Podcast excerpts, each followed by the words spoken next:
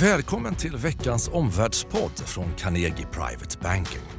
Det är torsdag 2 maj, klockan är snart 11 på förmiddagen. Det har hänt en hel del över valborgshelgen. Först eh, Fed-beskedet på onsdag kväll. Vid pressmötet efteråt så underströk Fed-chefen Powell just pausen i penningpolitiken. Han kallade eh, den låga inflationen för just övergående och temporär. Det tolkas eh, mer högaktigt. Det pressade en del Asienbörser nedåt och dollar och USA-räntor uppåt nyordningen med, i år då, med presskonferens efter varje Fed-möte, det är bra för öppenheten men driver samtidigt en viss volatilitet.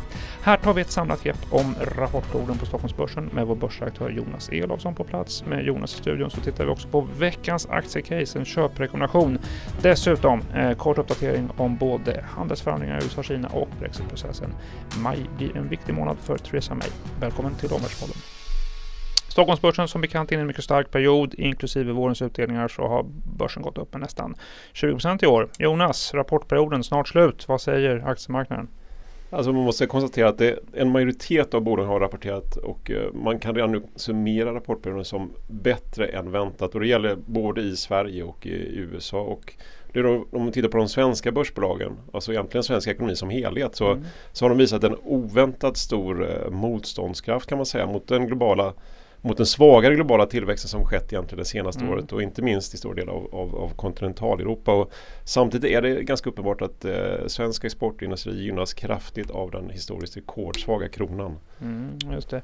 Som sagt, stor del av Stockholmsbörsens bolag har rapporterat. Eh, om du skulle utveckla, vad, vad rapporterar bolagen? Alltså man kan ju, en sak som man kan konstatera det är att det varit väldigt få stora besvikelser. Och, och, men precis som tidigare så är det fortsatt eh, svaga signaler från fordonssektorn och några av de underleverantörerna där.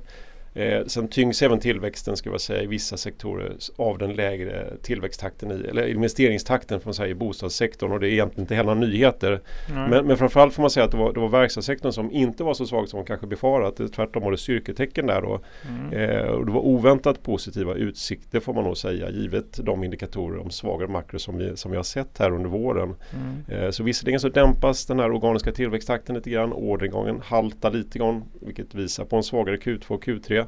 Men det var bra marginalutveckling eh, och eh, man kan nog summera verkstadsbolagens kommunikation eller vad man ska kalla det för, eller utsikter som mm. oförändrat eller kanske något svagare efterfrågan. Eh, och det var helt enkelt eh, bättre marknadsförväntningar och eh, jag skulle vilja säga att det är en stor förklaring egentligen till, till uppgången, som, alltså de här fortsatta uppgångarna som vi, vi har sett här nu i rapportperioden. För det är trots allt en ledande sektor och står för ungefär en ja, dryg fjärdedel av börsvärdet. Mm. Om man skulle klä den här rapportperioden i några siffror, har vi några unika siffror från eh, Carnegie dela? Absolut. Eh, om, om vi tittar på de bolag som ingår i vårt universum, då, bolagsuniversum, det är, som har rapporterat hittills, så det är ungefär alltså drygt 70% av vinsterna på börsen. Så, så har omsättningen ökat med 11% jämfört med samma period föregående år och det är egentligen då 2% bättre än Carnegies prognoser före rapportperioden.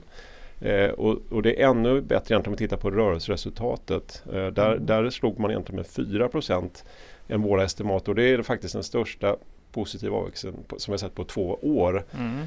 Så om man då antar att resterande delen av rapportperioden kommer hamna enligt förväntningarna så kan man få en indikation på hur, hur det kommer se ut. Och det innebär att alltså ebit, rörelseresultatet, för första kvartalet i år, då kommer växa med 13% i årstakt. Och det ska man då sätta i relation eller jämföra med det var 15% i Q4. Så alltså, man måste faktiskt konstatera att vinsterna växer i en, fortfarande i en relativt hög takt. Just det, intressant. USA kort, ser du någonting därifrån? Eh, ja, det ser bra ut även där. Alltså, jag såg i morse från, från CNBC att eh, av de bolag då i storbolagsindexet här, alltså S&P 500 så, så har 75% visat på ett bättre resultat än vad analytiker räknar med och det är ju en stor styrka. Mm. Våra siffror är alltså på att eh, vinsterna växer fortfarande i relativt hög takt. Om du skulle ta med dig en ja, kort slutsats för, för investerare? Nej, men det är helt enkelt det är bättre än väntat och, och det är en bekräftad avmattning från eh, industribolagen men det är samtidigt lite bättre signal än, än, vad, än vad som var väntat kan man säga. Jonas, eh, du är på plats i studion här idag. Du har också med dig ett aktiecase, veckans aktiecase. Carnegie höjde i måndags morse rekommendationen till köp i eh, ja vad säger man, snacks och konfektyrbolaget Cloetta eh, efter stark rapport förra fredagen när, när aktien rusade rejält. Jonas, det här är en sammanfattning av eh, Carnegies analys som du vill utveckla. Varför är Cloetta köpvärd? Ja, det finns ju flera skäl till det här egentligen. Och, alltså, kortsiktigt så, så måste man titta på rapporten och den, den övertygar om eh, fortsatt god kostnadskontroll och förbättrad bruttomarginal. Och sammantaget då så ledde det egentligen till ett, ja, ett oförändrat resultat och det var väldigt mycket bättre än väntat för det, det fanns många negativa komponenter där, bland annat valuta och, och en negativ kalendereffekt. För att påsken kommer faktiskt i Q2 i år. Just det. Så det, det är en klassisk som man måste mm. ha reda på. Men och, och så om man lyfter blicken lite grann så, så har vi helt enkelt blivit mer optimistiska till att Cloetta kommer kunna öka sin rörelsemarginal i år och nästa år. Eh, och dessutom då så tycker jag att bolaget har bättre förutsättningar att nå sitt 14-procentiga rörelsemarginalmål på medellång sikt. Mm. Kommer öka rörelsemarginalen säger du. Hur ska Cloetta lyfta lönsamheten? jag tror att det är bra att titta lite kort bakåt först. Alltså man ska komma ihåg att de har ett mellanår bakom sig där, där lösgodisverksamheten Alltså man förvärvade Candy King också här om året. Mm. Eh, och då, och då har den delen blivit väldigt mycket större men också förlustbringande. Och sen ska man även då lägga till att man tappade Coop, alltså storkunder förra året och man har eh, negativa effekter av sockerskatten mm. i Norge. Det. Så det finns en hel del så att bas att ta ifrån då och eh, det som ska lyfta framförallt är ju då klassiska synergier med Candy King. Där man förväntar sig 100 miljoner på årsbasis om, om två år här.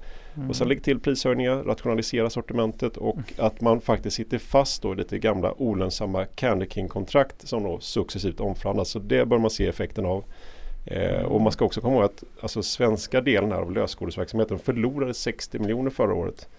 Och eh, det finns egentligen ingen anledning till att den verksamheten ska prestera särskilt mycket sämre än eh, sina övriga eh, verksamheter som de har i lösgodis. Där ligger man på 68 procent. Så att nå break-even där, det kommer få stor effekt. Mm, intressant. Eh, som sagt, rapporten gick ju, eller efter, efter rapporten så gick aktien bra.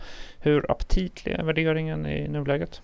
Alltså det, den, är, den är aptitlig. Alltså vår värdering det bygger på att vi applicerar en, en värderingsmultipel på 13 gånger då EV ebitda som alltså det är rörelsens skuldfria värde i relation till rörelseresultatet och det är på vår prognos för 2020. Och då är det motiverat med riktkurs på 31 kronor men om detta når då sitt rörelsemarginal 2020 vilket alltså jag pratade om tidigare, 14 procent, mm. då är, tycker vi 35 kronor motiverat och då har vi även lagt in utdelningar där.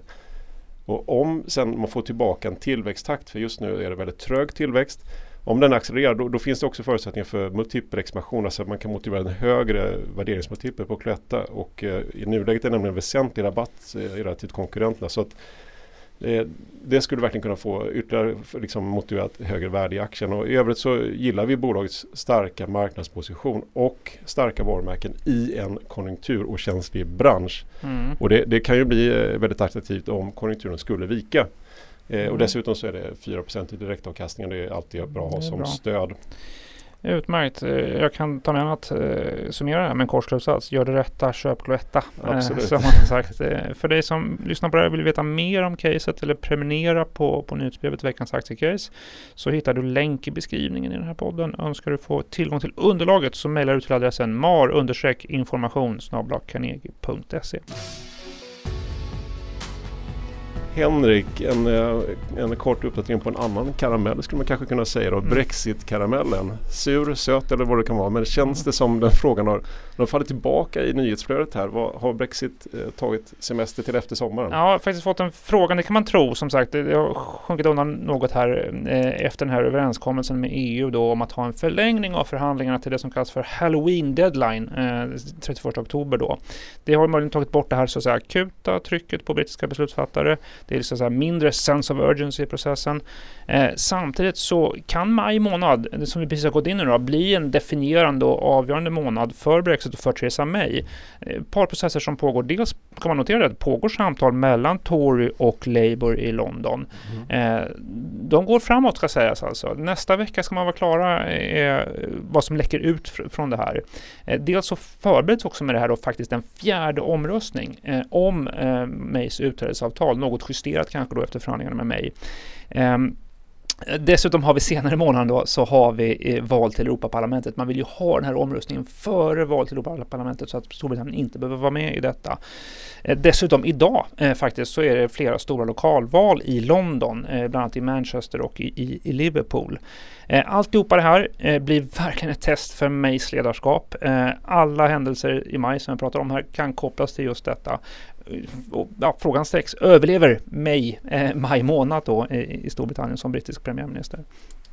På, på, på, aktiemarknaden så brukar man ändå säga sell in May en, en go away och om man tittar och läser rubriker i, i brittiska tidningar så är det ju May gone in May. Alltså vad, vad skulle kunna utlösa det? Ja, det, det, det, skulle kunna triggas av ett uselt valresultat redan ikväll faktiskt. Om det kommer in dåliga, om stora bakslag, stora förluster för Torypartiet kan öka de avgångskraven mot Theresa May eller ett dåligt EU-valsresultat eh, den 26 maj kan också öka pressen.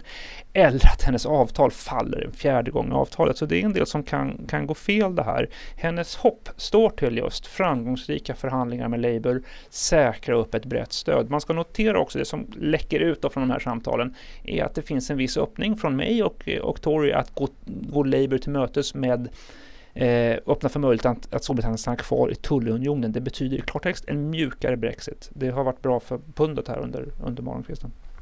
Men, men alltså om May misslyckas och lämnar då, vad, vad skulle det innebära för Brexitprocessen? Ja, ja, det är ju en stor besvärlighet. Då får vi se, kommer en ny Toryledare till sommaren, möjligen efter sommaren, september vet vi att Tory har partidagar. Det kan också öka sannolikheten för ett extraval eller nyval. Eh, redan då så börjar i så fall den här förlängda förhandlingsperioden se, se allt eh, tajtare ut. Nu är vi inte där, som sagt, ännu. Det är lite spekulativt. May kan, May kan lägga fram till, May kan lägga fram till ett avtal och möjligen få stöd för det redan redan nästa vecka. Det vore positivt för investeringsmiljön. Men okej då på temat positivt för investeringsmiljön. Alltså mm. uppgifter i natt, så sent som i natt var det om handelsavtal redan på fredag nästa vecka i, mellan USA och Kina. Så vad, vad kommentar på det? Vi vet ju, vi pratade om det förra veckan, det är skytteltrafik som pågår mellan Beijing och Washington. Vi vet att den kinesiska finansministern är i Washington på torsdag om precis en vecka. Eh, en sak är ju att komma överens. Sen blir det förstås fokus på vad innehåller det här avtalet? Vad finns det för vinnare, för förlorare? Vad är beständigheten i avtalet framåt? Så att ja, det är naturligtvis en sak som vanligt då att, att, att hålla koll på. Det har ju bidragit till att ta upp börsen på höga nivåer. Henrik, så vad är din korta slutsats? Ja, pratar vi om Brexit förförande valet, det, det, det, finns indikationer på bra samtal och överenskommelser mellan Labour och, och Tory i London. Det skulle i så fall vara positivt både för pundet och för investeringsmiljön i Europa. Imorgon fredag, fullsatt här i Carnegie vid frukostseminarium på Regeringsgatan 56. Det är 120 investerare och entreprenörer på plats för att ta del av analys om vad som händer med kapital och ägarskatter i Sverige. Vi återkommer med ett referat från det populära seminariet i våra nyhetsbrev. Följ oss gärna där nästa torsdag 9 maj. Nytt avsnitt av Omvärldspodden. Välkommen att lyssna då också. Tack för att du har lyssnat på Omvärldspodden från Carnegie Private Banking. Vill du veta mer om vad som händer i vår omvärld och få aktuella idéer till affärer? Gå då in på www.carnegie.se veckans viktigaste och prenumerera på vårt nyhetsbrev.